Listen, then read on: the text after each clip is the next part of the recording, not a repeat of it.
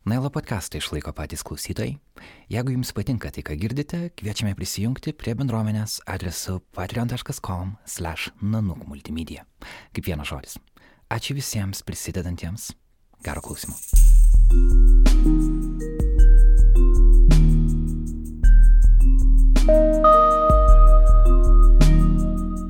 Turbūt vienas iš pirmų dalykų, kurie man krito į akis čia atvykus, buvo didžiulis skirtumas socialiniam lygmenį, kultūriniam lygmenį, politiniam, viskame, kas susijęs su lyčių skirtumais ir rolėmis. Atsimenu, kad e, aš atvažiavau su vien su trumpais jauniukais ir tai buvo didžiulė problema. Aš iš karto mamai rašiau, tai atsiųsk visokių ilgų sijonų, nes tiesiog ne, negaliu turėti normalaus pokalbio su vyrais. Tiesiog jie, jie nu, tiesiog žiūri mano kojas. Tai nuo tokių jokingų dalykų ir tokių, kad aš nebuvau, visiškai nebuvau pripratus, kad vyr, vyrai atidaro duris ir aš taip pastoviai susitrenkdavau su jais durise, nes nu, nesupratau, nes to, to ne, nebe, nebebuvo kanadiečiškoj kultūroje.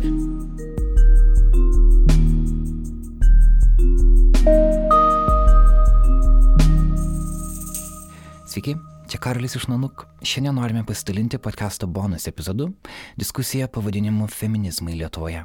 Ji buvo įrašyta vasario 17-ąją nacionalinės emancipacijos dienos konferencijoje, kuri vyko Nacionalinė dailės galerijoje Vilniuje.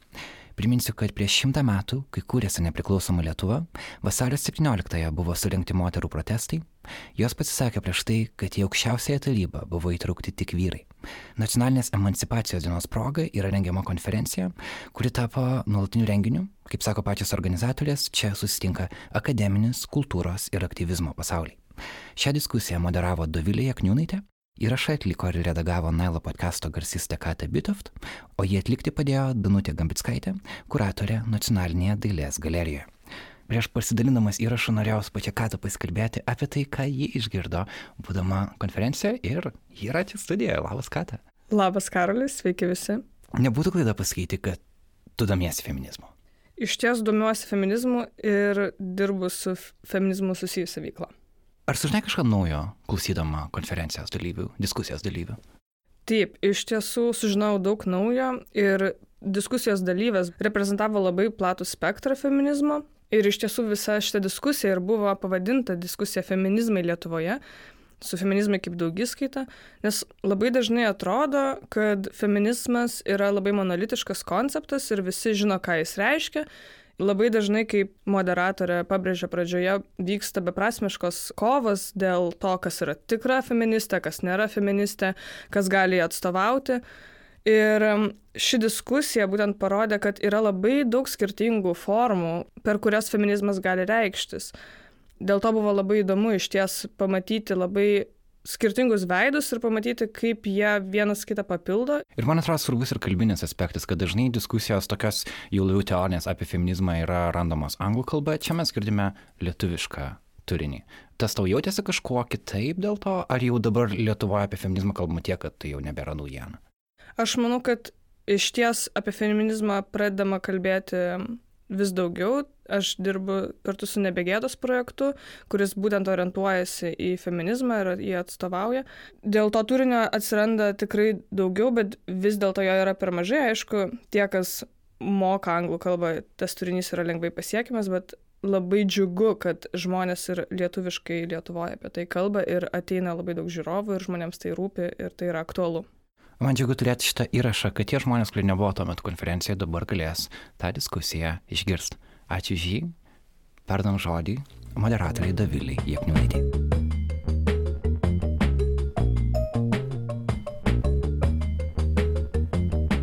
Labadiena. Šitas mūsų sesija skirta labai bendram klausimui, kaip jūs galėjote suprasti iš diskusijos pavadinimo Feminizmai Lietuvoje. Ir čia ne, ne kalbos klaida, specialiai parašyta daugiskaita tokią, tokią diskusiją jau seniai norisi, diskusiją arba tokį pokalbį pradėti nu, norisi gana seniai. Nes tarsi, kai jeigu nors kažkiek stebite viešą erdvę ir matote, kaip kalbama apie feminizmą iš, iš, iš išorės arba tų, kuriems mažiau tai aktualu ir kažkaip kitaip kalba, jis labai suprantamas labai monolitiškai, labai vientisai, maždaug tos feministės ar ne kažką žino, jos kažką žino ir kažko nori, arba jos nežino, ko nori, bet nori, bet esmė, kad jos yra kažkokia tai grupė aiški Kita vertus ir viduje, ar ne? Bendruomenė, nežinau, ar tai bendruomenė, tam, kur, žmonės, kurie jungia tam tikros bendros idėjos, irgi yra tam tikras supratimas apie galbūt nekalbėjimas iki galo apie tai, kad visgi yra kažkokie skirtumai, yra kažkokie tai nesusikalbėjimai kartais, kartais jie virsta į kažkokias beprasmiškas kovas, kartais gal prasmingas kovas ir apie juos irgi verta, verta kalbėti ir juos minėti. Trečias toks aspektas yra, kad tai, kad mes feminizmą gauname jau kaip tokį tam tikrą form, suformuotą besiformuojantį produktą iš, iš amerik... anglosaksiškų iš principo, šiek tiek frankofoniškų diskusijų, kas irgi paveikia ir mūsų mąstymą, ir irgi, irgi kažkokį santykį reikia su tuo rasti. Žodžiu, yra visokiausių tokių labai bendrų kalbų, bendrų temų, apie kurias lik norėjosi pradėti kalbėti. Ir dėl to labai sąmoningai mes e, šį suformavom tokį panelį labai sąmoningai įvairų, e, kur, žmonės, kurie veikia vienai par kitaip ir vadinasi, vadina save feministėmis, bet veikia skirtingos ir dviesiais skirtingais klausimais dirba. Prieš perėtumą tam prie pokalbio pristatysiu, kas čia pas mus dalyvauja. Ne? Ir pradėsiu nuo, nuo Karlos Gruodis, Karla Gruodis pristatinėja save kaip vertėja, redaktorė ir menininkė, bet mums labiausiai žinoma kaip antologijos feminizmo ekskursai, moters samprata nuo antikos iki postmodernizmo sudarytoja ir redaktorė. E, ji taip pat labai ankstyvuoju Lietuvos nepriklausomybės laikotarpiu pradėjo leisti anglkalbę e, laikraštį ar žurnalą Velitvienė Review irgi būtent pasakodama apie tai, kas vyksta čia Lietuvoje. Ir ta jos feminizmo ekskursai yra žinoma ir liks žinoma kaip pirma feministinė knyga Lietuvoje išleista lietuvių kalba. Ir dėl to labai džiugu, kad Karla čia atėjo ir pakalbės su mumis. Toliau šalia jos sėdi Justina e, Zubaitė kuri formaliai atstovauja šiuolaikinį meno centrą, yra šios skaityklos e, kuratorė, Bet e, ji mums taip pat labai įdomi, kaip turinti šiaip jau gana ilgą patirtį, kuriant e, įvairiausius skaitimo klubus, feministės literatūros skaitimo klubus. Turi, buvo tokia grupė Santa Fe, paskui dabar Kaune vyksta Six Chairs Books e, knyginė, kurios įkūrėjai irgi yra šie susitikimai, žodžiu, tiesiog bendrai skaitimo entuziastė, ne, galim sakyti. Šalia manęs sėdi Viktorija Kulbešnikova, kuri dabar baigi, baiginėja Centrinės Europos e, e, universitetą, e, lyčių studijų magistrantė ir rašo savo darbą ir galbūt šiek tiek mums apie jį pasakos iš posovietinių ir sovietinių tarybinių moterų reprezentacijų, bet taip pat labai aktyviai veikia, su, veikia ir bendradarbiauja su tokiu kairiuoju portalu gyvenimas per brangus, Taip pat nu, nu, jinai norėjo pabrėžti, kad yra gegužės pirmosios profsąjungos narė, o taip pat prisidėjus yra daug prie, prisideda prie Rytų Europos feministių konferencijos organizavimo ir būsima konferencija irgi dar bus organizuojama taip pat. Kristina Mišinienė, kurios, kuriai skirta kėdė yra ir jinai bus, jinai, jinai yra kovos su priekyba žmonėmis ir išnaudojimo centro vadovė ir jau dirba beveik 20 metų nevyriausybinėje, nevyriausybinėje erdvėje ir labai daug, labai daug turi daug patirties dirbant su, teikiant pagalbą priekybos žmonėmis, prostitucijos, seksualinio smurto aukoms.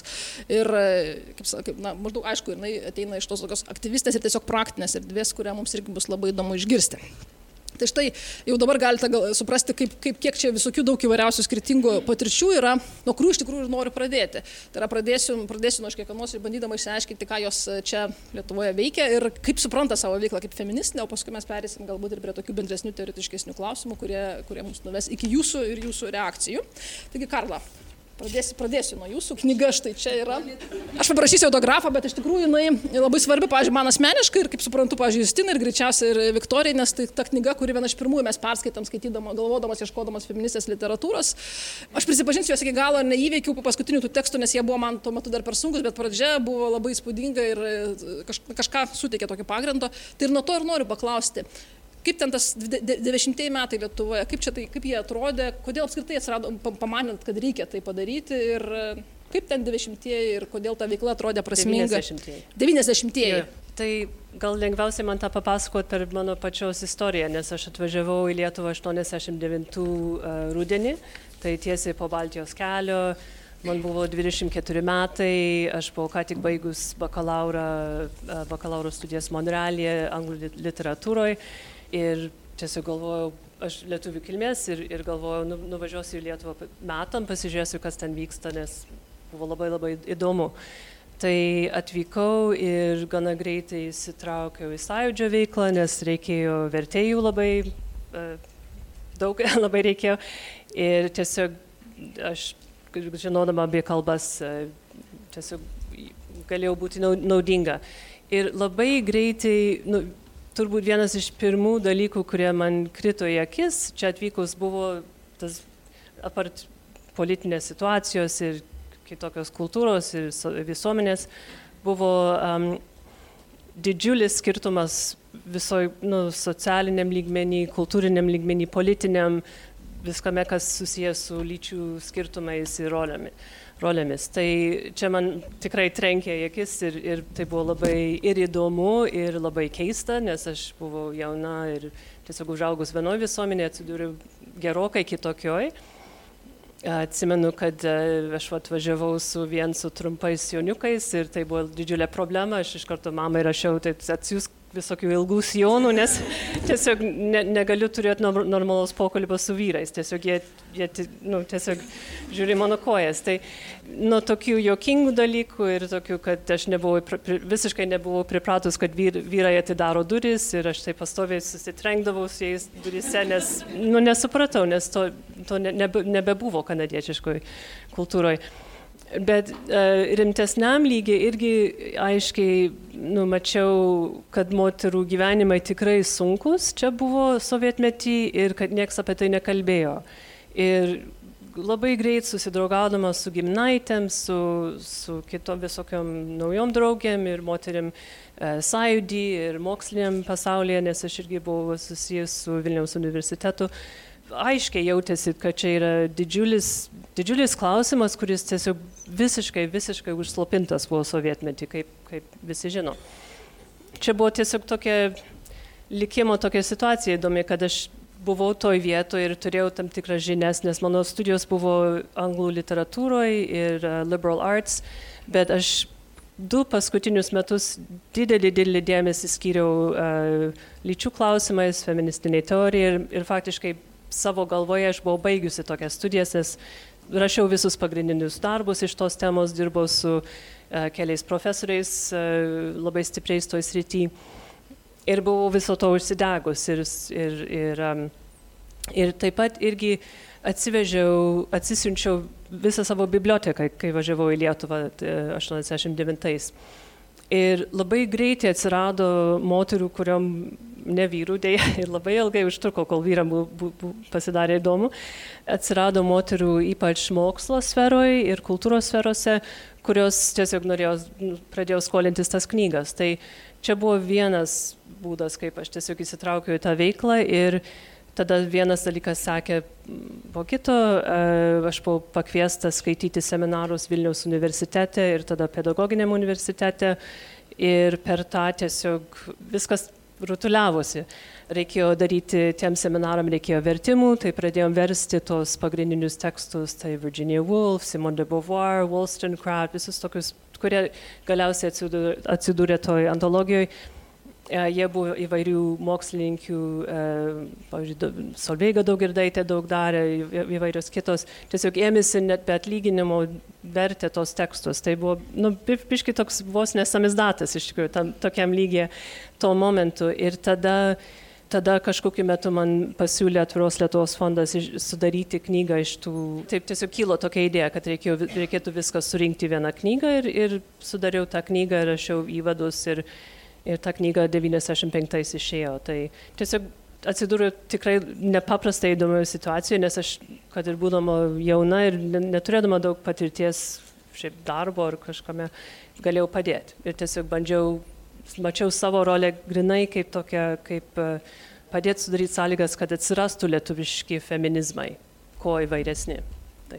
Ar sulaukite kokių nors reakcijų iš to, būtent tuo metu, 90, knyga 95-96 išėjo? Jo, ir, knyga tada, uh -huh. jo. Ir buvo kokių nors reakcijų, ar taip tiesiog kažkur nuėjo, ar mes čia va, taip vėliau atrasdavom ir perskaitydavom ją. Ir...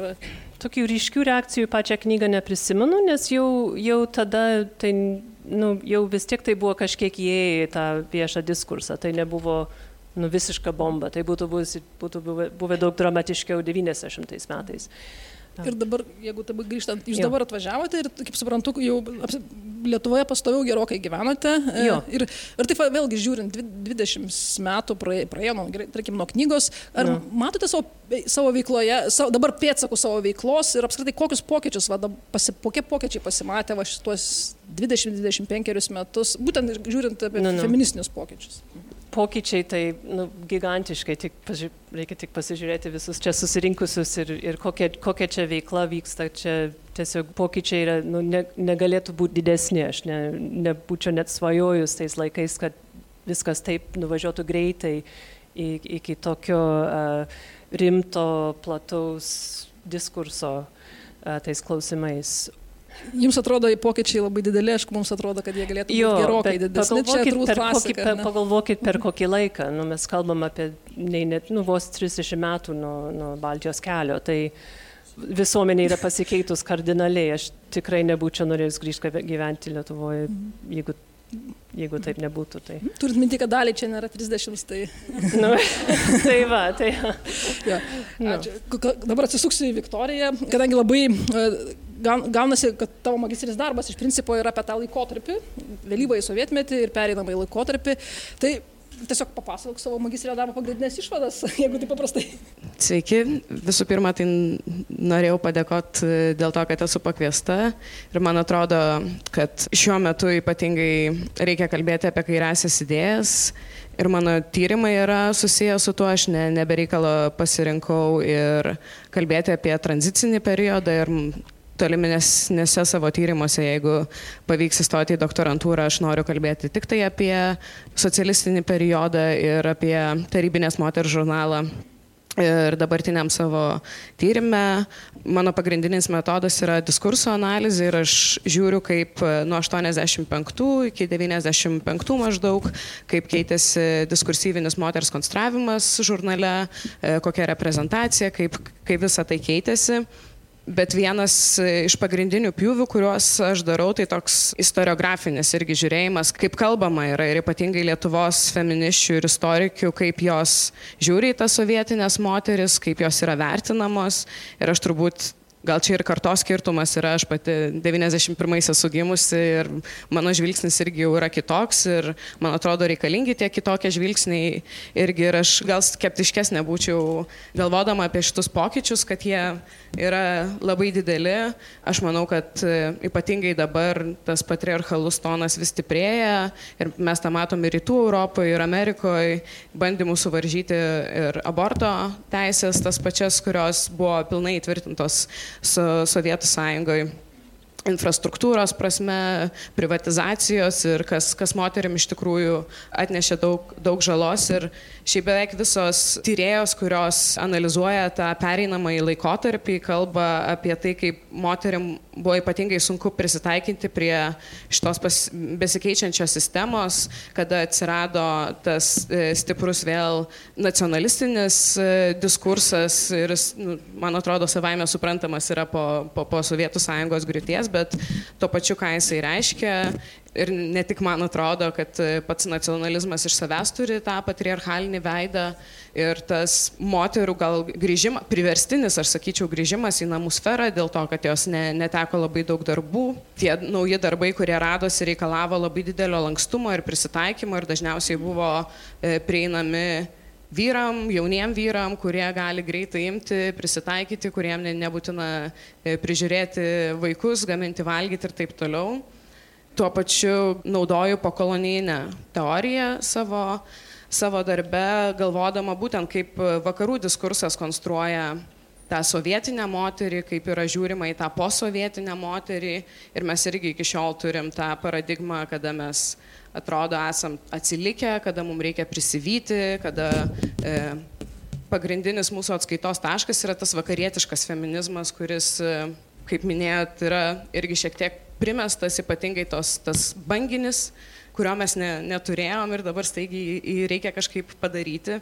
Ir aš nežiūrėčiau ir nežiūriu į tas moteris, į sovietinės moteris ir posovietinės moteris kaip, kaip aukas, Ir, sakykime, tas mano feministinis metodas iš to ir pasirodo, e, kad aš bandau žiūrėti, kaip moteris organizavosi, apie ką jos kalbėjo, ką kalbėjo redaktorės. Aš irgi ėmiau interviu iš redaktorių būtent tuo pereinamojų periodu, kaip e, keitėsi tas žurnalas ir man svarbus tas cenzūros momentas, kuris yra labai apie jį daug yra labai kalbama, bet kai mes kalbam apie moterų žurnalus arba redakcijos ir skaitytojų santykius, man atrodo, viskas yra žymiai komplikuočiau negu nuleidimas iš viršaus, iš viršaus į apačią.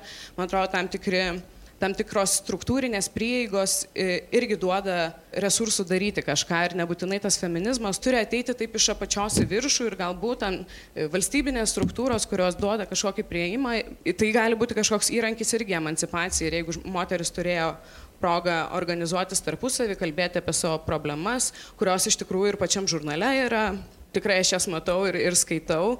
Ir kalbant apie tą moters naują konstravimą, man atrodo, vienas iš geresnių pavyzdžių yra pirmasis žurnalas Moteris, kuris išėjo 89 metais jau be žodžio tarybinė ir kai visi džiaugiasi, kad pagaliau nėra tos politinės žinutės tarybinė ir aš kaip vadinu, buvo tarybinė moteris ir dabar yra nepriklausoma moteris, kaip ir nepriklausoma Lietuva ir kas, kas yra ta nepriklausoma moteris ir kiek jinai yra nepriklausoma. Tai tas pirmasis viršelis buvo su lininė tokia lininė drobė ir ant jos e, rūtų e, šakelė yra padėta.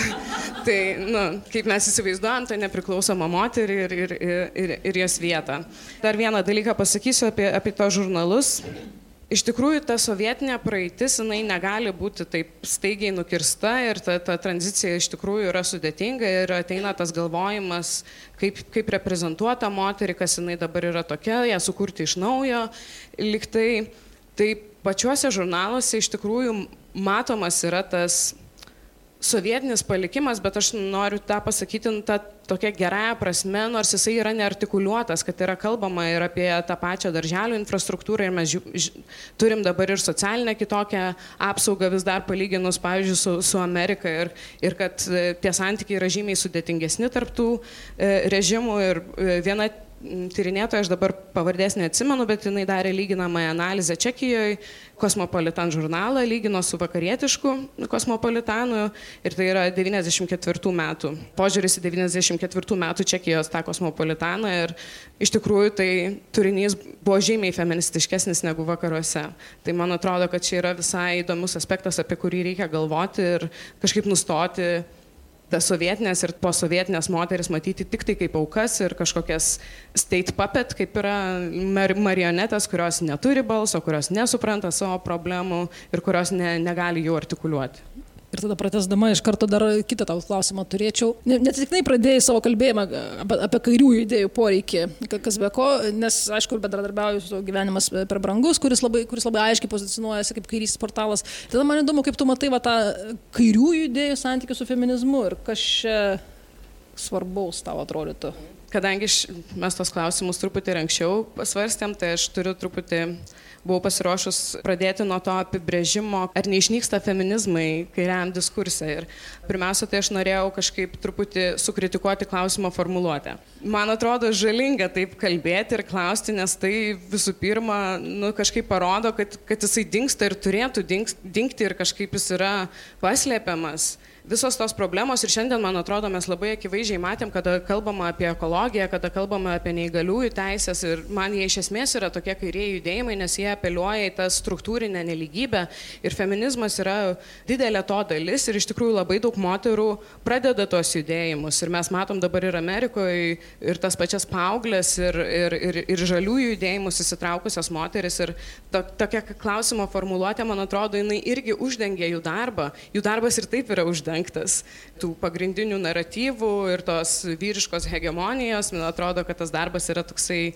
kad ką moteris daro, tai arba tai prisijungia, bet mes žinom, kad moteris inicijuoja šitus dalykus. Ir feminizmas turi ir yra būti kairiosios politikos dalis, nes tai yra viena iš pagrindinių struktūrinių kritikų, o man atrodo visos feministės mes sutinkam, kad feminizmas iš esmės yra struktūrinė problema. Klausimai gali būti ir provokuojantis, ar ne? Ačiū, Justina. E, mes dabar peršoksim prie, prie jūsų veiklos ir šita veikla šiek tiek skiriasi, ar ne, nuo, nuo, pavyzdžiui, to, ką Viktorija daro, arba ką Kristina papasakos mums vėliau. Nes jūsų vienas iš, iš tokių tikslų daryti, organizuoti feministinio skaitimo klubus ir kokia, kokia, ką, kodėl jūs taip sugalvojate, kodėl būtent tokią veiklą pasirinkote, kokia prasmė jums, jums šitoje veikloje yra? Pirmąjį skaitimo grupių klubą, kuris vadinasi Santariškių feminizmo skaitimo grupė. Aš pradėjau prieš ketverius metus Santariškių suburbijoje, kur ir tebe gyvenu. Ir iš tikrųjų ten irgi šita tema labai paranki, nes aš tuo metu auginau kūdikį, buvau labai išsigandusi e, tos natūralios situacijos ir nežinau kaip elgtis, ar aš esu per daug padūkusi, kad noriu eiti su draugais, ar per mažai, mama. Ir kažkaip man labai daug kilo klausimų, e, bandžiau ieškoti tų atsakymų įvairioje literatūroje, knygose, grožinėje literatūroje, tada pradėjau stebėti savo kaiminystę, Santariškių, kas iš tikrųjų yra toksai atitikmuo Junktinių Amerikos valstijų baltųjų tvorų kaiminystiai kur gyvena vidurinės klasės žmonės, dažniausiai įprastose šeimose, kiekviena šeima augina vaiką, turi namų, naminį gyvūną, labai, labai tradicinis tokia sandara, labai neįvairi to, tos bendruomenės sandara. Ir aš ten bandydama mėgdžioti tas mamas, vaikščioti e, tais visais keliais su, su vežimėliu ir kūdikiais, jas užkalbinama, kažkaip supratau, kad man labai trūksta pokalbio, kad aš nelabai suprantu savo motinystės apibrėžimo, savo feministinio požiūrį arba pritaikymo būtent motinystės diskursui. Ir kad būtent šitam rajone būtų visai fainai pasišnekėti ir, ir pasi, pasižiūrėti, ką galvoja mano kaimynai. Taip atsirado Santa Fe, pirmoje sesijoje mes skaitėm Magi Nelson knygą Argonautai. Tai toksai pasakojimas apie rašytojas Magi Nelson ir jos vingrios lyties partnerio Hario laukimo momentą, kai jos partneris keitė lytį, tuo tarpu nei laukėsi jų vaiko. Tai man buvo įdomus įvairūs tie laukimo, motinystės e, ir vaikų auginimo pasakojimai.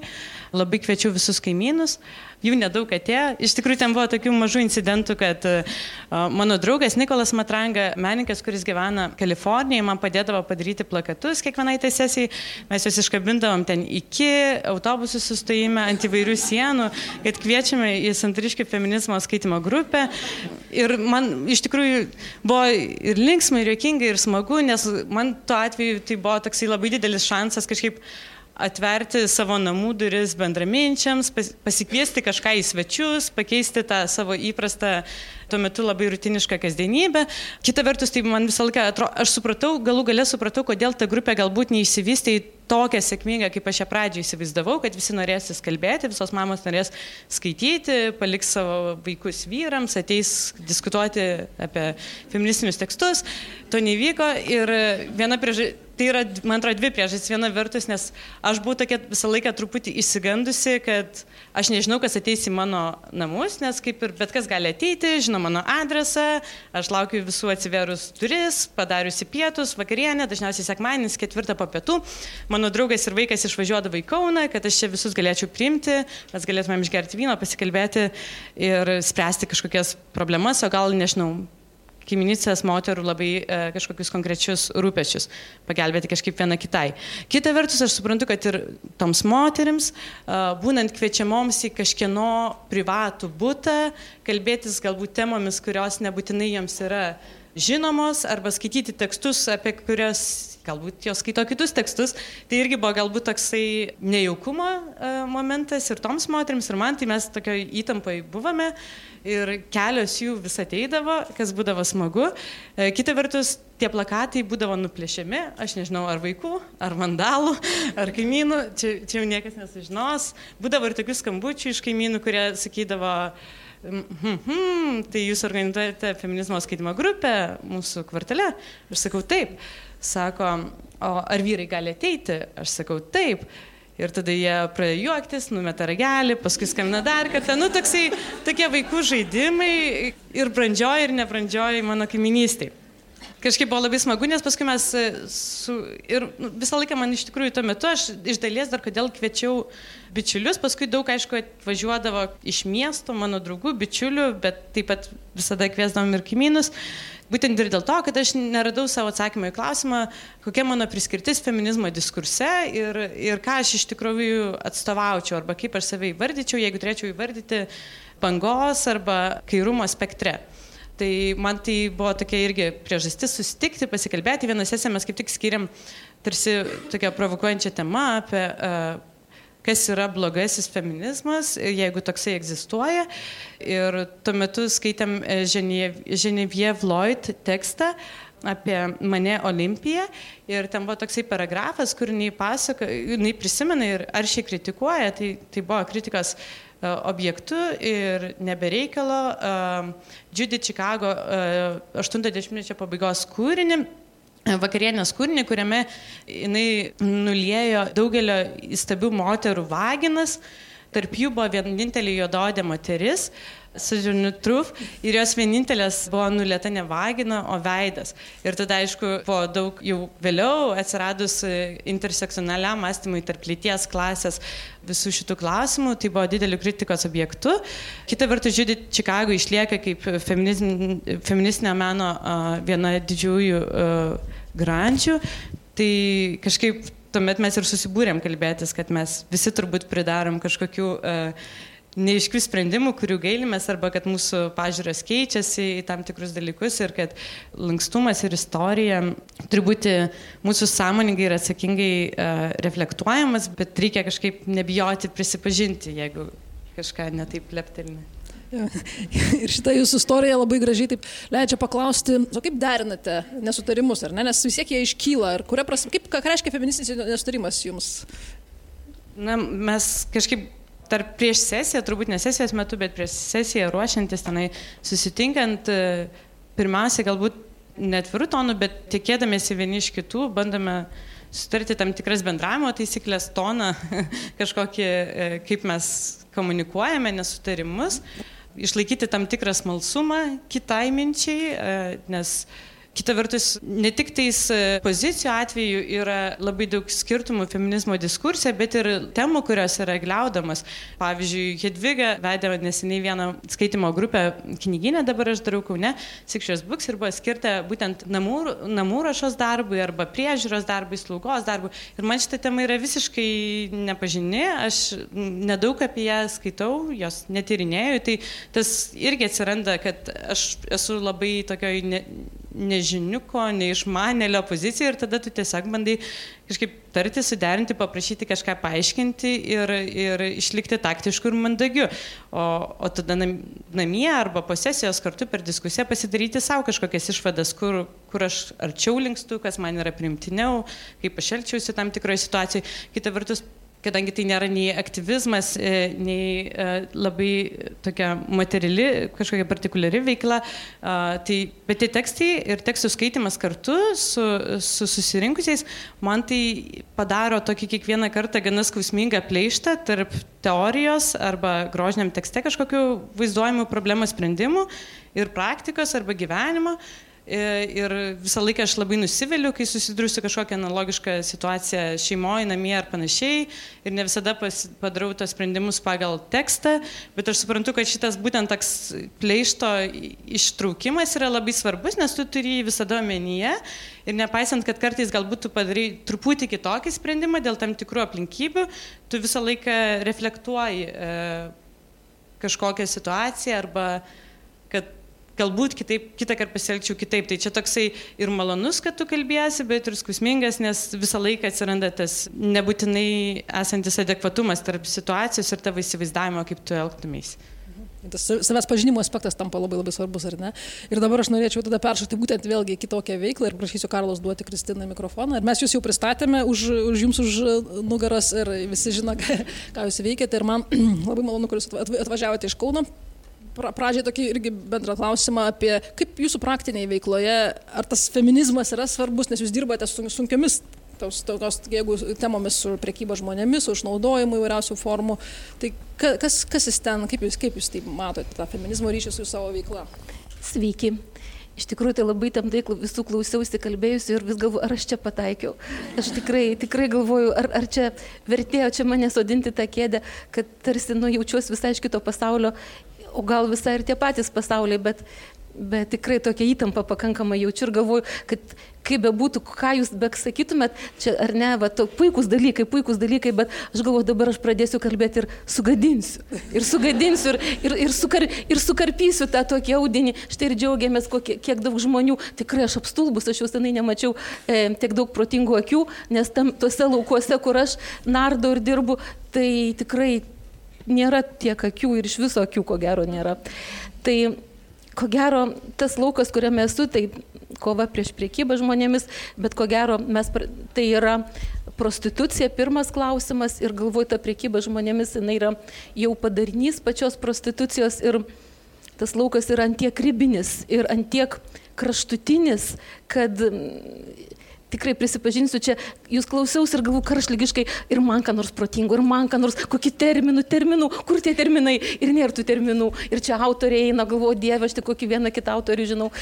Bet mes pradėjome nuo visiškos praktikos ir labai negalvodami nei kas ten dedasi dedasi visuomenėse, nes kas už ką, kas prieš, prieš ką, tiesiog matėm aukas ir, ir, ir norėjom jom padėti. Tai kalba eina apie prostituciją. Ir tik vėliau, einant metams, vystantis, pradėjom suvokti, kad esam prie kažko didesnio, kad čia ir žmogaus teisės, ir moterų teisės, ir mūsų pozicija galų gale, nes, nežinau, jūs tikriausiai vis tiek esat visi, kadangi matau protingos akis, tai daug skaitot, visi susipažinę su prostitucijos tematikom iš, iš, iš, iš kažkokių kūrinių, ten iš, iš visokių ten na, teorinių momentų labai daug nuomonių yra, čia labai daug blaškimusi pasaulyje, tai pradant nuo tai, kad seniausia profesija, kitas kraštutinis laukas, kad čia yra perdėm aukos, mes beje perėjom į šitą kraštutinį lauką, mūsų praktika tiesiog nuvedė, tačiau turiu pasakyti, kad kai jau 18 metų, aišku, tam laukia jau teko visko matyti, tačiau pradžioj ir ne tik pradžioj, ir viso eigoj mes tiesiog traukte traukėm įvairiausios minties ir feministinės e, atstovus iš viso pasaulio, jie važiavo pas mus ir sakė, jūs dabar taip, o kitaip, trečiaip, e, žiūrėkit, čia reiktų šitaip dirbti, čia reiktų šitaip kalbėti ir tuo metu atrodo viską gėrėm ir, ir, ir, ir, ir, ir, ir kūrėm savo tą sistemą. Ir vieni siūlė prostitučių profsąjungas teikti, kiti ten siūlė ten vėl ten kokias demonstracijas gatvėse, vilkti kokius kūnus pavaizduotus, grandinėm sukaustytus ir taip toliau. Ir teko kažkaip tai savo tą poziciją surasti, bet šiandien šitą lauką matome kaip perdėm išnaudojimo ir didelės neteisybės tokį susikryžiavimą. Ir e, galbūt Amsterdamo prostitutės ir būrėsi į profsąjungas ir, ir, ir ten jos na, kažką tai ir laimi prieš sutenerius ar, ar, ar, ar valstybę. Tačiau pasižiūrėjus į Lietuvą, kas pas mus čia vyksta, mūsų panosiai ir tu matai tą didelį, tarsi, na, moralės, tokį, tos, tokios oficialios moralės įsitvirtinimą ir jinai pas mus tikrai, nu, tiesiog kanonai tos moralės, o iš kitos pusės mes tokia mažytė šalis, tokia nu, beveik mikroskopinė šalis, kaip bebūtų, mes tebesam nuolatiniai tiekėjai kūnų į vakarų Europos viešnamius, net už Europos ribų turime moterų, kurios buvo Australija, Japonija išvežtos, ten išnaudotos. Ir tai galvoju tada, kas čia vyksta, kodėl nuolat ir jau 2019 metai, o po šiai dienai štai turim turim bylą vidury centrinėje Lietuvoje mažam miestelėje, kur vidury baltos dienos vaikinas e, nusprendė, kad jis nori pamokinti kažkokią ten jam patinkančią merginą, jis vidury miesto, miesto centre ją pasiguldė ir prievartavo vidury baltos dienos. Ir, ir štai šiandieną turim tokią bylą. Ir kai tu kalbi su teisėjas sauga, su bendruomenė, tai, tai čia prostitutė, tai čia jai gal ten tas patiko, gal daranas. Tai, tai tu matai, kad iš vienos pusės mes niekur nepasistumėjom, niekur, tuščia ta Lietuva ir, ir, ir, ir puiku, kad didmeščiuose mes turime, na, mintį, turime judėjimus, turime taip toliau, tu išėjai už didmeščių ten tyla, tu su moterim gali daryti bet, bet ką, ką nori, e, pjaustyti ją, pardavinėti, prievartauti viešuose tualetuose, daryti ką nori ir, ir, ir bus pasakyta, kad jinai tokia ir anokia, jai patiko, kokia čia auka ir nei vieno balso netrasi tą miestelį, kuris užsistotų ją. Tai čia yra didžiulė tragedija ir mes dėl to savo vis, visas tuos tokius, na, Gali, gali, tu gali išvykti šiandien į konferencijas Briuselėje, Paryžėje, dar toliau, bet kas iš to? Aš keliu savo klausimą, kas iš to, kad aš ten pasėdėsiu, pakalbėsiu, sus, susirasiu daug bendraminčių draugų, aš tikrai man, man bus labai gera, bet aš atvyksiu į Radviliškį, atvyksiu į Gargždus, atvyksiu į Kupiškį ir čia matysiu tą, na, tikrai tokius, tokius prieš istorinius momentus ir, ir, ir, ir, ir, ir aukas, kurios e, negavusios pagalbos, jos toliau eina kažkokiu savęs naikinimo keliu ir tada aš galbūt jom pasiūlysiu, tai gal profsąjungas teigiam, tai gal ten, na, vat, dar kažką darom, bet vis tik tai labai natūraliai mes priem prie to, kad prostitucija tai yra, yra smurtas ir Taip pat kitas labai natūralus momentas mums buvo tai, kad mes nebenorim aukos tempti čia į salės vidurį ir apšviesti ją prožektoriais ir kad jinai įtikinėtų mus, įtikinėtų tą švarėją, tą, tą puikiąją, e, protingąją visuomenę, kad vat, jeigu auka mokės papasakot jums, kad jinai yra auka, jūs patikėsit, kad jinai yra auka. Bet jeigu jinai nemokės, o jinai tikriausiai nemokės, nes jinai turi ir atsilikimą, jinai, ten, jinai nemoka pasakot, jinai, jinai skriausta, visokia taip toliau, jinai visai nemokam verbalizuoti savo išgyvenimų, taigi visuomenės nepavyksta įtikinti, kad jinai rauka.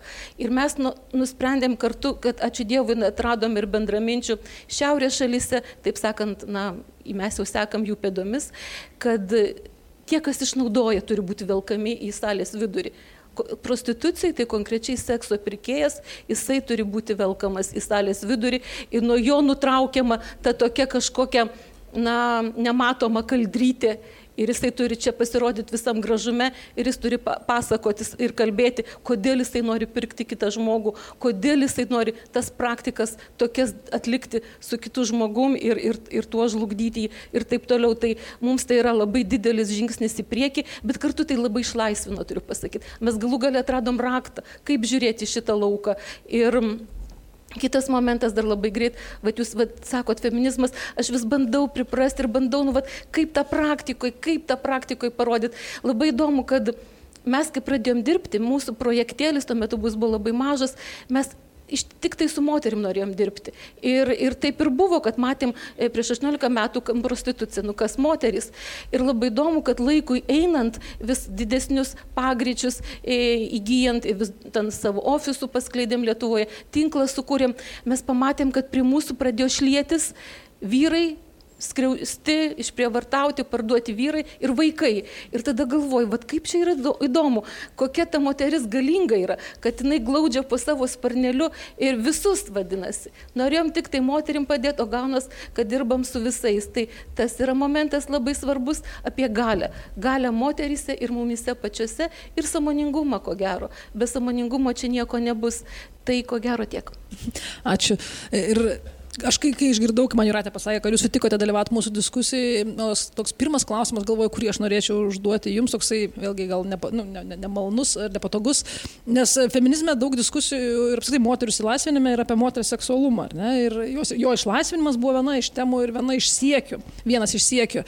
Ir aišku, žiūrint galvojant apie kovos su prostitucija kontekste, jūsų pozicija čia yra labai aiški, labai aiški, aiški. Bet yra kita pozicija, ta seksualinio darbuotojo idėja, idėja idėja kaip, kaip darbo. Tai, Ir kaip jūs va šitą, pozicija aiškiai, bet kaip jūs va žiūrite į tą ir kaip tą va to įtampą sprendžiate apie tai, kad visgi na, yra tam tikra veikla, kuria, kuriems gal kažkam gali būti malonu formuluoti savo veiklą būtent tokiais terminais. Taip, čia yra ta pozicija, tai pakankamai stipri sekso darbuotojų e, suvokimas, kad moteris, kurios parsiduoda ar kurios parduodamos, nes žinia, kad didžioji dauguma asmenų jau dabar nesako moterų, bet sakom asmenų, kadangi ten tikrai daug yra ir vyrų, bet galbūt kartais, kad supaprastint, sako moterų, moterų prostitucijos yra prekybo žmonėmis aukos, vėliau pasilikusios prostitucijoje, tiesiog sav, integravusios savotiškai į šitą subkultūrą.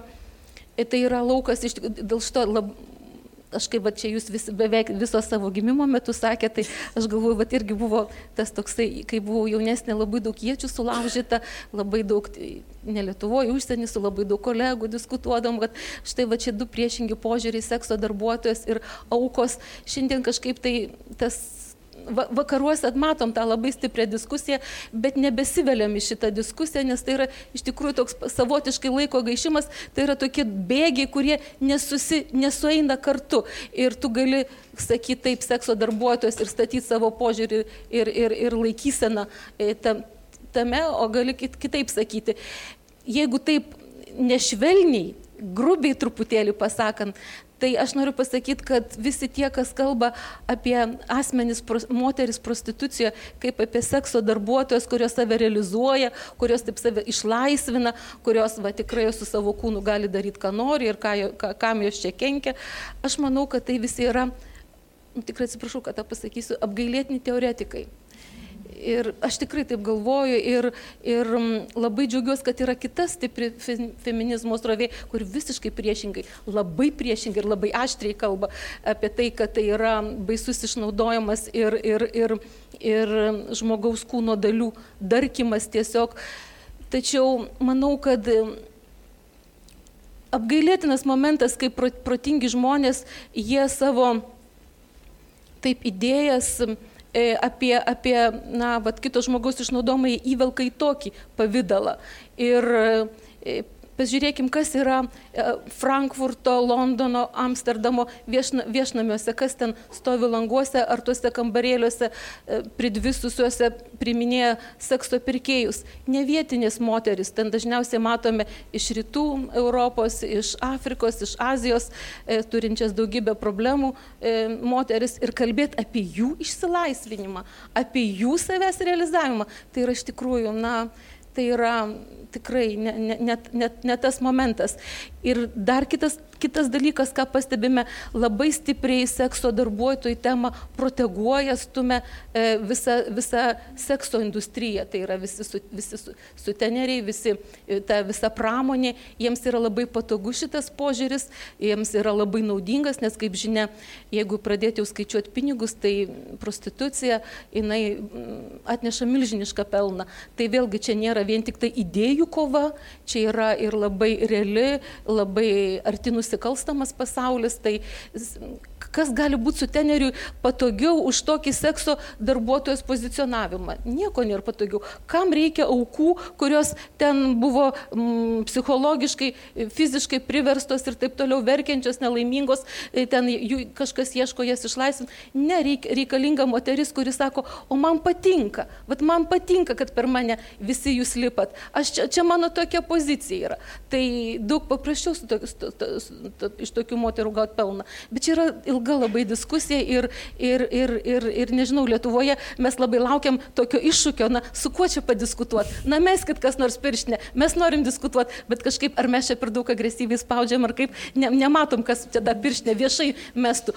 Šiaip tokių kalbų truputėlį girdisi, bet viešai tos pirštinės nesulaukiam, bet vakaruose tai yra labai stiprios tikrai tendencijos.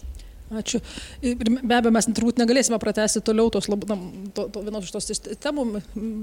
Ir mano viena iš šito pirmo raundo tokio mūsų apsėjimo buvo tikslas irgi būtent parodyti tą skirting, skirtingą veiklą, kurias užsiminėjote ir, ir parodyti, per kurią prasme per, per, tai, per jas visas matosi feminizmas, ne, nepaisant to, kad jūs sako, sakote, kad jūs nerandate jo, bet mums turbūt labai gerai jis matosi. Ir dabar aš turiu visoms bendrą tokį dvigubą klausimą, kuris jau toks bendriškesnis, teoretiškesnis yra. E, Ar, ar įmanoma, ar, ar jeigu manoma, kaip galėtumėte save tą, savo tą feministinę poziciją apibūdinti?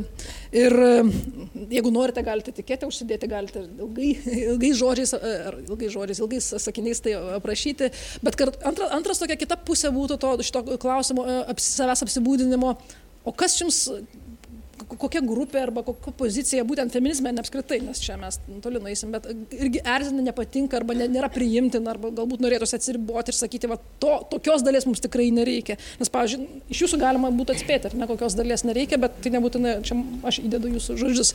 Tai gal nuo jūsų, Kristina, ir pradėkime, kad, kad, kad paskui jūs nepabėgtumėte nuo teoretiškų sąlygų. Taip, norėčiau paklausyti kitų ir kažką taip iški prisitaikyti, bet...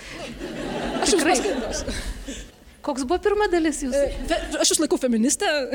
Taip. Ar apsibrieštumėte kažkaip tą, va, tą savo feminizmą, ar ne? Nu, žinot, iš tikrųjų, nu, man čia pirmieji bandymai garsiai apie tai kalbėti ir apsibriežti, bet, nežinau, man tai esmė yra tai, kad aš ginu. Aš ginu.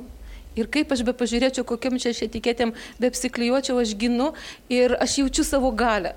Aš tikrai jaučiu ir jinai, ta galia yra auganti jinai po truputėlį buvo grūdelis, šiandien jinai vis auganti ir nežiūrint mano metų, jinai, jinai auganti yra ir, ir aš ją noriu panaudoti gynimui. Ir tikrai man buvo nuostabu, kad pradėjo glaustis ne tik moteris, bet ir vyrai. Bet man čia yra didžiulė paslaptis, kaip čia dabar įvyko, kas čia įvyko. Bet taip yra ir, ir, ir tai yra, na, va, toksai momentas. O koks buvo antras O dalykas? su kas nepa, nepriimtina Tai aš bet pasakiau, Tai- kad gal ta kryptis, kuri mato prostituciją kaip seksualumo išraišką, mane tas be galo erzina, be proto, be proto tiesiog. Aš nesivaizduoju, kaip žmonės gali taip mąstyti, turėdami tuos sunaikintus kūnus, išnaudotus ir kokie ten, kokį sirupą bepiltų, man to vis tiek tas dvokas, jisai na, aš tikrai, jisai prasiveržė ir ne dėl to, aš kažkada va taip kalbėjau, prisimenu su, su, su, su, su vienos dalies organizacijos, e, kuri už e, sekso darbuotojos atstovin sako, kad prostitucija nesmirda, tai čia nereikia išsigalvoti. Iš tikrųjų, būtent ne, ne moteris jos čia centre, bet, bet tie, kas, kas, kas sukūrė vis, visą tą išnaudojimo struktūrą, jie smirda, jie yra dvokiantis. Ir, ir, ir tu niekaip čia negali jokiam gelytėm apipaišyti. Tai mane tas gal labiausiai erzintų. Mhm. Ačiū Jums. Ka- Karola, gal tada Jūs pa- perimkit mikrofoną ir... Tai pirmas Mano tą klausimas. bendrai klausimą apie apsibrėžimą savęs, kiek jis jums svarbus ir jis, koks jisai būtų ir paskui tas, kas, kas, kur tos ribos yra jums yra su. Aš visada bandau išsisukti iš tokių klausimų, nes, nes manau, kad visokie feminizmai yra reikalingi, kaip ir bet kokio išsilaisvinimo judėjimo. Visi atspalviai yra reikalingi ir visos strategijos yra reikalingos. Reik, reikia ir veiklos politiniam, tradiciniam politiniam dalyvavime, reikia, reikia ak aktyvizmo tokio labai aršaus, reikia, reikia visko, aš manau. Ir dėl to aš irgi nu, visiškai atsisakau užsidėti ant savęs etiketės ar net sakyti, kas man nepatinka, nes aš labai, tole, nu, manau, kad tolerantiškas požiūris yra geriau, geriausias. Tiesiog, kad pripažint, kad yra skirtingi požiūriai, mums reikia diskutuoti ir reikia toliau šviesti visuomenę, šviesti save, švie, vieni kitus ir, ir kuo daugiau įtraukti vyrus į tą diskusiją. Čia yra didžiulis, didžiulis dalykas ir tą darant, tą, to nepadarysim, būdamos vien tik tai labai griežtos ir kraštutinės. Tiesiog nu, visko, visko reikia. Tai aš labai stipriai to tikiu. Nebent ne, nepripažįstu ne, neapykantos ir, ir šitokio požiūrio ne, nepripažįstu, bet aš su, suprantu, iš ko jis ateina. Puikiausiai suprantu. Tai. Justina. Panašiai kaip Karla, kai gavau iš Dovilė šitą klausimą, iš karto išjungiau ir supratau, kad čia tai bus tikras iššūkis, bet tada taip ir nespėjau kažkaip e, labai gerai apie tai pagalvoti. Ne- Vis dėlto aš manau, kad e, nebūnant akademiniam diskursui ir nebūnant e, aktyvistiniam arba tam praktiniam diskursio, o praktikuojant entuzijazmą tam tikrą, su pozicija tampa pakankamai sunku, nes visų pirma ir Santa Fe atsirado iš tos malsumo, kad reikia burtis ir kalbėtis ir pasižiūrėti, ką mes manome ir kur sutinkam vieni su kitais ir kur ne. Ir visą laiką, ypač kai tu pradedi e, domėtis šitų diskursų, visą laiką kabo tas toksai kaip debesis, kur sako, bet gal, nu, pat, pati sautus, taip sakai, bet gal čia netikras, gal čia blogas feminizmas. Ir man šitą visų pirma norėjo nusim, nusimesti pačiai savo, kad šitas klausimas nebekabotų ir jis vis dar išlenda kartais, ypač kai susiduri su tam, tam tikrai žmonėm, kurie uh, aktyviai protesto, peticijų, kažkokios praktinės veiklos priemonėmis uh, tuo užsiema ir jie turi savo pradžios ir pabaigos ribas dažniausiai, labai aiškę agendą, tada tu jau pasijauti tuo bloguoju, tuo netikruoju feministinės minties praktiku.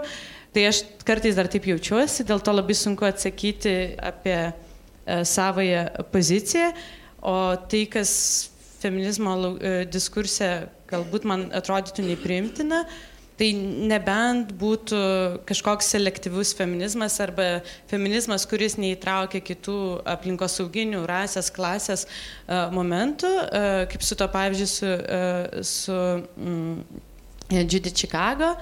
Tai kažkoks selektyvus arba būtent jeigu, jeigu tam tikra prasme lytis užgožia lyties ir rasės arba lyties ir klasės derinius, tai, tai, tai man turbūt nėra artimas. Ačiū. Viktorija. Labai fainai, kad dabar aš po, po, po Justinos iš tikrųjų sakau, nes e, kaip aš feminizmą suprantu, tai aš visų pirma gal feminizmą suprantu kaip tokią analitinę kategoriją, kuri analizuoja ir atskleidžia skirtingus galios santykius. Ir kaip jie buvo, yra konstruojami ir kaip galima tam priešintis. Aš vis tiek save labiau tapatinu su, su, su aktyvizmu, nors, nors esu kartu ir akademikė.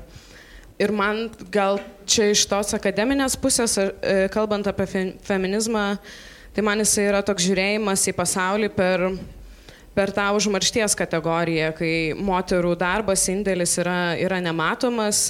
Sakyčiau, mano, mano feminizmo tikslas yra tą, tą nematomumą kažkaip iškelti į priekį ir mąstyti apie prielaidas, iš kurių ateina. Man atrodo, tas feministinis žiūrėjimas pačioje akademijoje pirmiausiai kritikuoja tą universalizmo savoką arba universalų subjektą, kuris yra dažniausiai konstruojamas per vyrą, knygos rašomos ir pagrindiniai diskursai ir viešasis diskursas vis tiek yra priklauso nuo vyrų.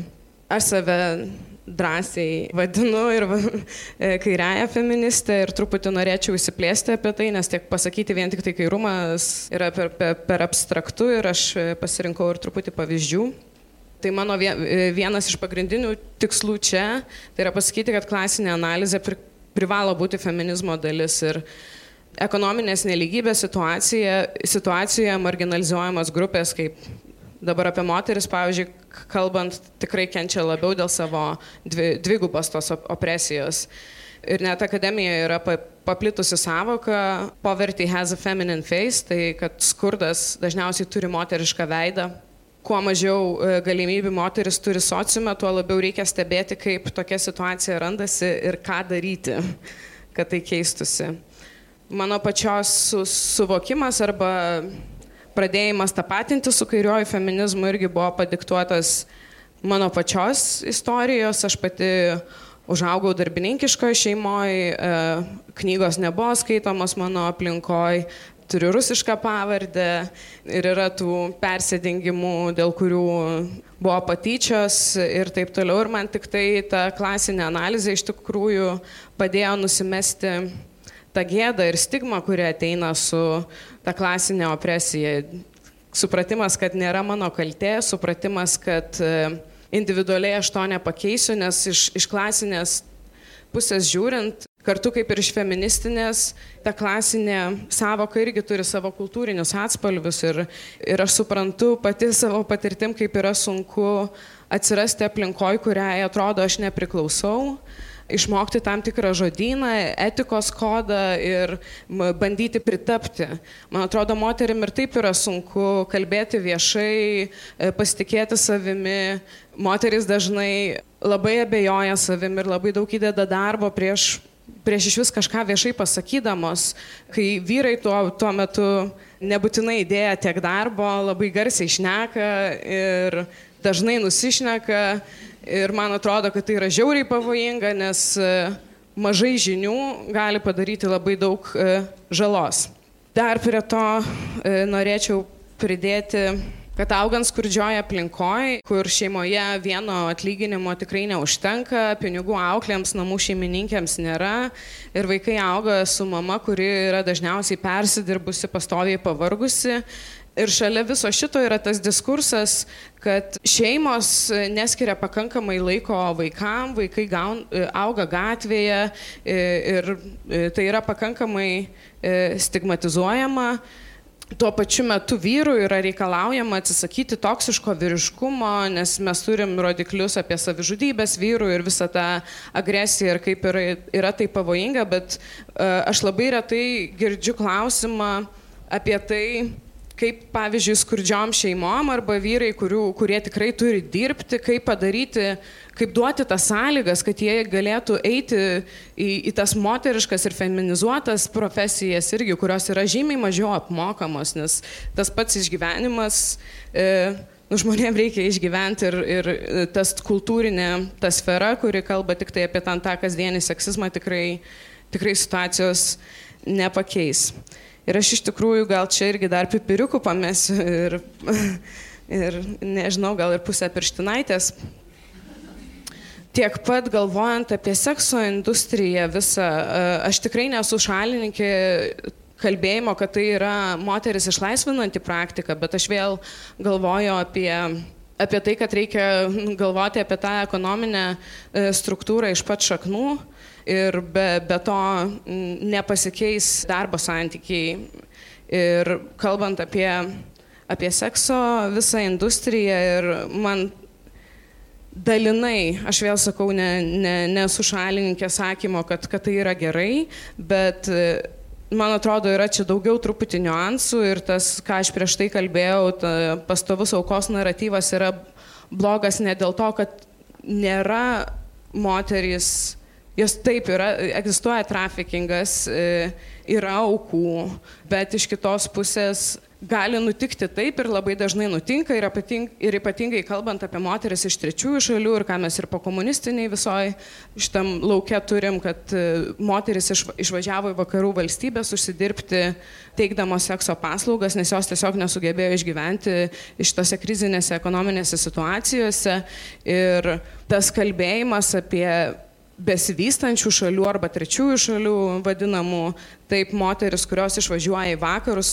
Aš norėčiau šitoje vietoje paminėti mano, mano kolegės pavyzdį, kuri yra iš Indijos ir jinai pati dirbo Indijos viešnamuose kaip socialinė darbuotoja, jinai kalbėjosi su su mot, ten dirbančio moterim, prižiūrėjo jų vaikus ir neseniai buvo Nigerijoje e, irgi kalbėti su, su moterim ir Nigerija yra ta šalis, iš kurios žiauriai daug važiuoja į vakarų šalis, kad užsideda labai didelis rasinis momentas ir dažnai tose vakarietiškose valstybėse iš Nigerijos moteris labai dažnai moka pinigus tiem vadinamiems smagleriam, kad galėtų papulti į vakarus ir kad galėtų užsidirbti ir siūsti pinigus atgal, bet jos dažnai susiduria su tuo, kad visą laiką yra vertinamos tik tai kaip trafikingo aukos, parsinčiamos atgal į šalis, e, negali užsidirbti pinigų arba uždaromos į fabrikus, kur dirba už labai mažą atlyginimą ir aš tą vadinu nu, šokimas nuo, nuo, nuo meškos ant vilko. Ir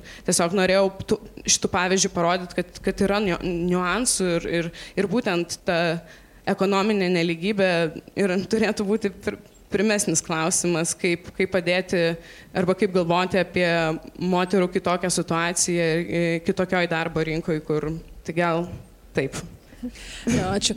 Štai Viktorija, aišku, turi, matosi, turi savo aiškę poziciją, bet jeigu reiktų apibendrinti va, kitas tris pozicijas, tai būtų taustai maždaug arba nenoras, aišku, ir nuolatinis ieškojimas tam tikras, kas, tai, kas, kas galėtų sudaryti mano tą, mano, mano tą veiklą arba mąstymą ir taip toliau.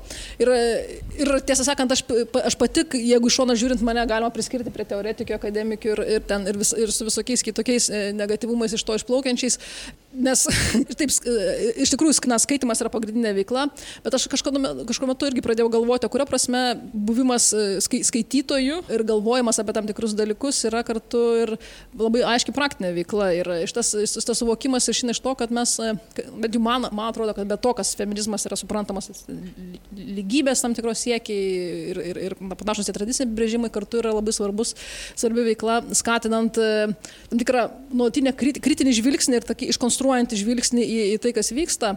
Ir šita veikla nėra toli gražu teoretiška irgi, jinai labai labai smarkiai praktiška ir tam tikrą prasme net ir mes čia, ką darome, nėra tik tai teorija, ne, kurią, kurią užsimame, nes tas mąstymo procesas skatimas yra labai svarbus. Ir jeigu man tada reiktų savo, savo feminizmą kažkokiu tai būdu apsibriežti, tai man būtent jis yra per tokią va, kritinę refleksiją nuolatinę ir nuolatinį galbūt abejojimą dėl tam tikrų savo pozicijų e, ir supratimą, kad galbūt kartais net nėra aiškios vienos pozicijos e, tam tikrais klausimais ir e, kad tai yra pasirinkimas kartais skausmingas su visom tokio išplaukiančiom pasiekmėm. Kartu suprantu, kad yra tiek daug klausimų, tiek, štai, kiek daug visokiausių veiklų yra daryta, kad negali čia, čia ir dabar paimti ir apsibriežti. Tai yra, nuotinį, nu, mes nuolatos kažką darom ir ieškom visada tų atsakymų. Svarbiausia, na, turbūt suprasti, kad mes kas, kas ieškom, bent jau man šita, šita tokia veikla šia prasme yra labai svarbi. Ir kita, dar, kita labai svarbi veiklos dalis, man atrodo, kur irgi yra labai pra, praktiška, tai yra dėstymas. Ir per, per pastarosius porą metų labai gerai supratau, kuria prasme tai galima daryti labai didelę, e, labai didelę įtaką. Ir šią prasme aš norėjau prie to panelio pridėti dar tiesiog kitą veiklą ir, ir pasakyti, jeigu kas nors sugalvos dėstyti, nebijokite, tai irgi galima labai daug svarbių dalykų nuveikti. Ir aš dabar, kadangi mes kalbamės, tai aš noriu atsisukti dabar dar labiau jūs ir klauskite arba sakykite savo poziciją, arba jeigu norite, komentuokite ir klauskite. Kadangi jau apie dėstymą prabilai ir va, besiklausant Karlos, man tokia net nemintis idėja kilo, jeigu kas aš išaugau ant tos knygos, mane jinai į feminizmą atvedė toje gudžioje jaunystėje. Aš pati esu iš universiteto, dėstau universitete, darau mokslinius tyrimus ir visą kitą. Ir, ir dėstau, taip, bet, bet ne nieko, kas susiję būtų su feminizmu, bent jau tiesiogiai. Ir vad jūs sakote, kad jūs čia atvažiavusi gana jauna ir visą kitą dėstėte, kiek suprantu, feministinę teoriją pedagoginėme, Vilniaus universitete ir taip toliau.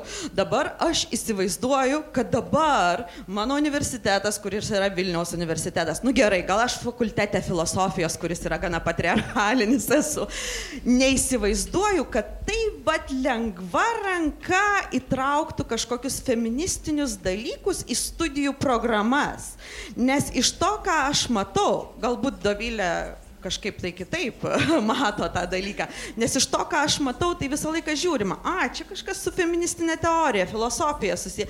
Ar, a, bet ar čia filosofija, ar čia mokslas, ar čia verta mūsų studentam kažkokią tai naują, nu, pasiūlyti kursą, programą ar kažką tai tokio. Tai vad mano klausimas gal buvo, kaip tais laikais, ar jūs atvirai su tą feministinę teoriją priimė? Uh, Vilniaus universitetas, pedagoginis universitetas. Ar jums reikėjo labai tos lenkščius minti, ar atvirkščiai jūs pakvietė kažką tai dėstyti? Tai va, dėkui. Tai gal ir sakyk. Kiek prisimenu, aš turiu labai prastą atmintį dėl detalių, bet kiek prisimenu, e, tai buvo, tai vyko per, per bendravimą su Viktorija Daujotytė ir tiesiog buvau pakviesta, nes tie pokalbiai prasidėjo, pra, pati pradžia, nu, mano to proceso buvo labai intimus pokalbiai, skaitimo grupė faktiškai, kaip jūsų, ir, ir tai vadinosi e, klubas Klėtis. Ir e, ten buvo tokios moteris kaip Zita Čiapaitė, Solveiga Daugirdaitė, Jurga Ivanauskaitė dalyvavo vienu metu. Ir tada ir su Viktorija daug bendravau, su profesorė ir tiesiog pakvietė. Ir aš manau, jie ne, nežinojo į ką tas gali vesti, bet kažkokiam sąlygom pakvietė, net, net man mokėjo. Čia gal toks nu. papildymas truputėlį toks iš istorijos. Vilnius o gerai, ačiū.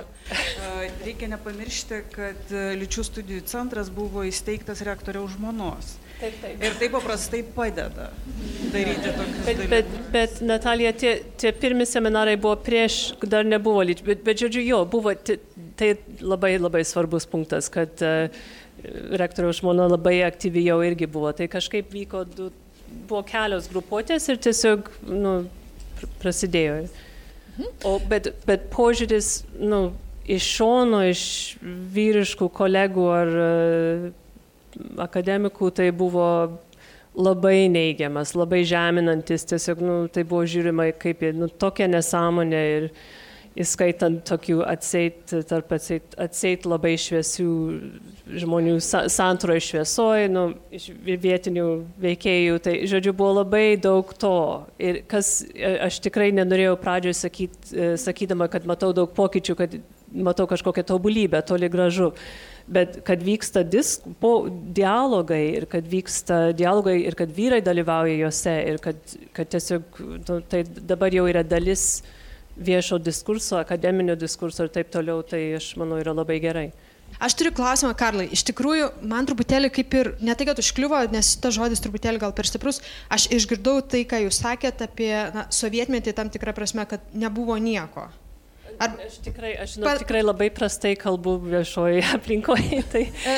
tai bet, bet nebuvo, aš turėjau omeny, kad, kad pirmiausiai elementariai tų knygų nebuvo. Tiesiog vis, visą eilę kaip ir, kaip ir visose moks, kitose mokslo šakose, ypač humanitariniuose, socialiniuose, tiesiog ne, nebuvo prieimo prie tam tikrų žinių, kurios, kadangi Lietuva yra Europos, europietiška šalis, jos būtų buvusios tam diskursė. Tai tiesiog buvo žinių, net, nu, arba tekstų, ne, neturėjimas paprasčiausiai, aš tą, tą turėjau omeny, kad nieko nebuvo aš, tikrai, aš, tą, aš neteisi, nu, neturi, nenorėjau. Aš iš kitos pusės klausimo noriu mm. paklausti. Man yra įdomu, nes e, pati prieš porą metų baigiau Central European University, ten e, Gender Studies.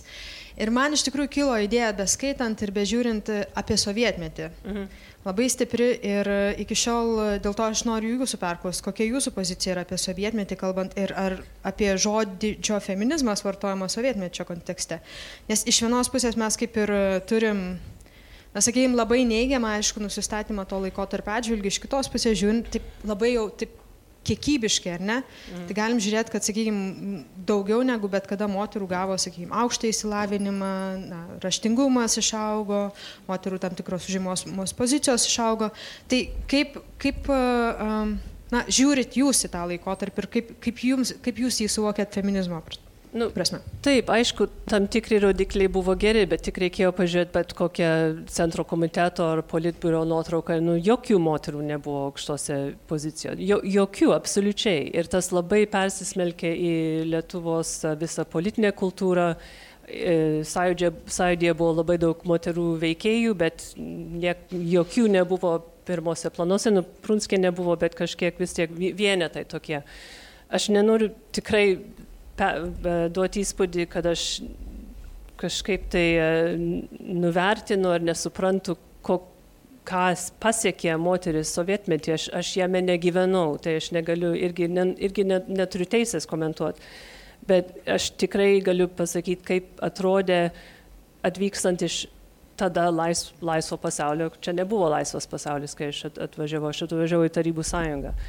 Ir, ir kiek aš mačiau smurto prieš moteris, moterų pažeminimo, nu, viešo, pas, nu, naglo tokio šlikštaus pažeminimo moterų ir tai buvo, ir jos neturėjo įrankių, kaip tam oponuoti.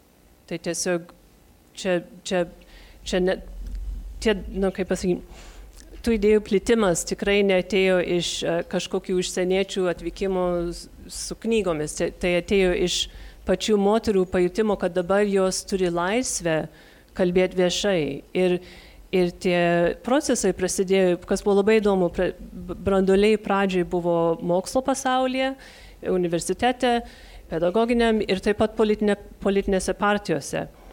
Ir kai tik pradėjo formuotis naujos, pirmos naujos politinės partijos, labai greitai moterų grupės moterų komitetą juose susiformavome, nes, nes jos pajuto, vis, kiekvienoje partijoje buvo moterų, kurios juto, kad, kad reikia kelti tos klausimus.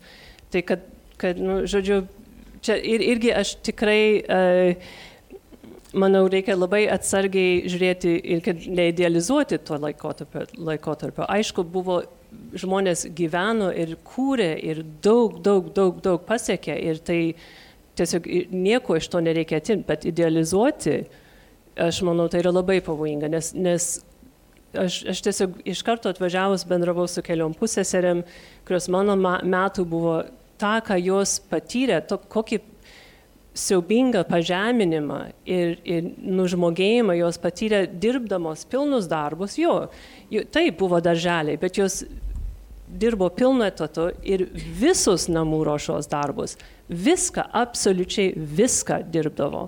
Tai jokios romantikos tame nėra, aš manau, čia reikia tikrai atsargiai, atsargiai žiūrėti ir tam tikrose, kokia, kokia aistra, ir mes čia visos turbūt jums pasakysim, turbūt 50 procentų salės pasakys, kad knyga svarbi buvo feminizmo ekskursija, nes kokia aistra mes ieškojom kažkokių tekstų, kurių, kurių galima užsikabinti savo, savo kažkokį mąstymą, kažkokį užkabinti, tai irgi turbūt labai daug ką parodo apie tai. Taip. Aš čia neiškenčiu pakomentavus sovietmečio, nes dešimt metų praleidau šitą tyrinėdama, tai čia um, dažnai susidurėm su tam tikrų kartų skirtingų požiūrių ir šito žvilgsnių iš išorės. Aš esu Dalės Atkauskytė, literatūros literatūrologė iš Lietuvų literatūros ir tautosakos instituto kaip čia prancūzai mūsų kartais klausdavo, mūsų profesorius, kodėl jūs neįdavote demonstraciją sovietmečiu, va taip viens, du, taip ir čia. Tai aš keliais pavyzdžiais pasakysiu, vienas dalykas dėl to moterų išsilavinimo, tai iš tikrųjų yra platesnio socialinio, klasinio proceso dalis. Ir be, ir be šito neįmanoma kalbėti. Iš tikrųjų, dėl to tų moterų ir atsirado daugiau universitetuose ir visur kitur. O dabar pasakysiu iš savo patirties, kaip iš tikrųjų vykdavo, susidarydavo tokios ambivalentiškos situacijos. Aš baigiau universitetą universitetą tais metais, kai Karla atvažiavo į Lietuvą. Filologija, kur buvo a, keli berniukai kurse. Pradėsim nuo to, kad jiems būdavo sąlygos išskirtinės stojant, jie gaudavo papildomų balų, baigiant vadinamaisiais skirstimais. Aš buvau paskutinė, turbūt paskutinė laida, kurie dar gaudavo skirstimus. Aš buvau viena geriausių studenčių kurse. Bet kai rinkausi moksliniam darbui, buvo rinkamasi grinai per lyties kriterijų. Pasėmė vaikinus Tiesiog pasėmė vaikinus dėl to, kad vaikinai. Koks yra rezultatas iš tų vaikinų, kurie atėjo dirbti ir į mano institutą, aš paskui vis tiek perėjau po trijų mėnesių ten. E, disertacijos turbūt neapsigynė nei vienas ir nepadarė jokios mokslinės karjeros, bet buvo toks principas. Imsim pirmiausia vaikinus. Štai jums ir viskas. Paprasčiausias pavyzdys. Ir subliūkšta visas tas sovietinės laisvės e, mitas. Ačiū. Dar Turiu vieną dalyką norėjau pasakyti, kad ko, ko labai pasigendu, aš manau, labai reikia lietuviškų, originalių lietuviškų feministinių tekstų, mhm. kur reikia kažkokių, nu, savo kambario lietuviškai, nu, kažkokių, yra, aišku, yra, yra daug kas parašyta gero, bet, bet aš manau, rašykit. Ir, labai ačiū. Knygų reikia, reikia daugiau. Mhm. Labai ačiū, labai geras, toksai, labai teisingas ir tinkamas ir ypač tam kontekste palinkėjimas ir mūsų konferencijos turi minti kontekste palinkėjimas rašyti, reflektuoti savas patirtis ir formuoti savo, savo žodyną. Tai be, be to palinkėjimo, kad mes turim galvoti ir kalbėti ir rašyti apie tai, dar pridedu tai, kad iš tikrųjų šitas, na, pokalbis, diskusija yra turbūt pirmas žingsnis arba vienas iš pirmųjų žingsnių, kur, kur visgi noriu paskatinti kalbėtis tarpusavį ir, ir, na, ir ginčytis, ar būt apsitarti, ar korektiškai diskutuoti apie tai, kas mums rūpi ir ne, nebijoti tam tikrų, na, nesutarimų arba nebijoti, kad mes esame iš skirtingų erdvių ir kažką kitą darome, nes, na, nes ta, ta veikla turi rasti kažkokių tai sus, sus, susisiekimo taškų. Ir e, ačiū Jums visoms, kurios sutikote čia dalyvauti, pagalvoti ir e, susijaudinti dėl mano klausimų, bet iš tikrųjų buvo viskas labai nuostabu. Ačiū Jums, e, paplokime mūsų dalyviams.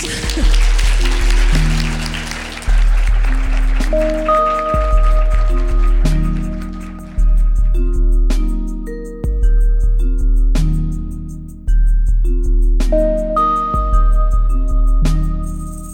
Ačiū, kad buvote kartu. Jeigu norite tęsti temą, kviečiame išgirsti Nailo podcast'o epizodą pavadinimu Nepapasakota Lietuvos moterų kovos istorija. Jis įrašytas pernai vasarį Vilnius universiteto tarptautinių santykių ir politikos mokslų institute. Tai buvo gyva diskusija, ten diskutavome būtent apie Lietuvos moterų judėjimus prieš šimtą metų, kas dėjosi tada ir koks progresas pasiektas. Nailo podcast'ą kuria žurnalistų kolektyvas Nanuk. Susitikime kitą savaitę. Iki.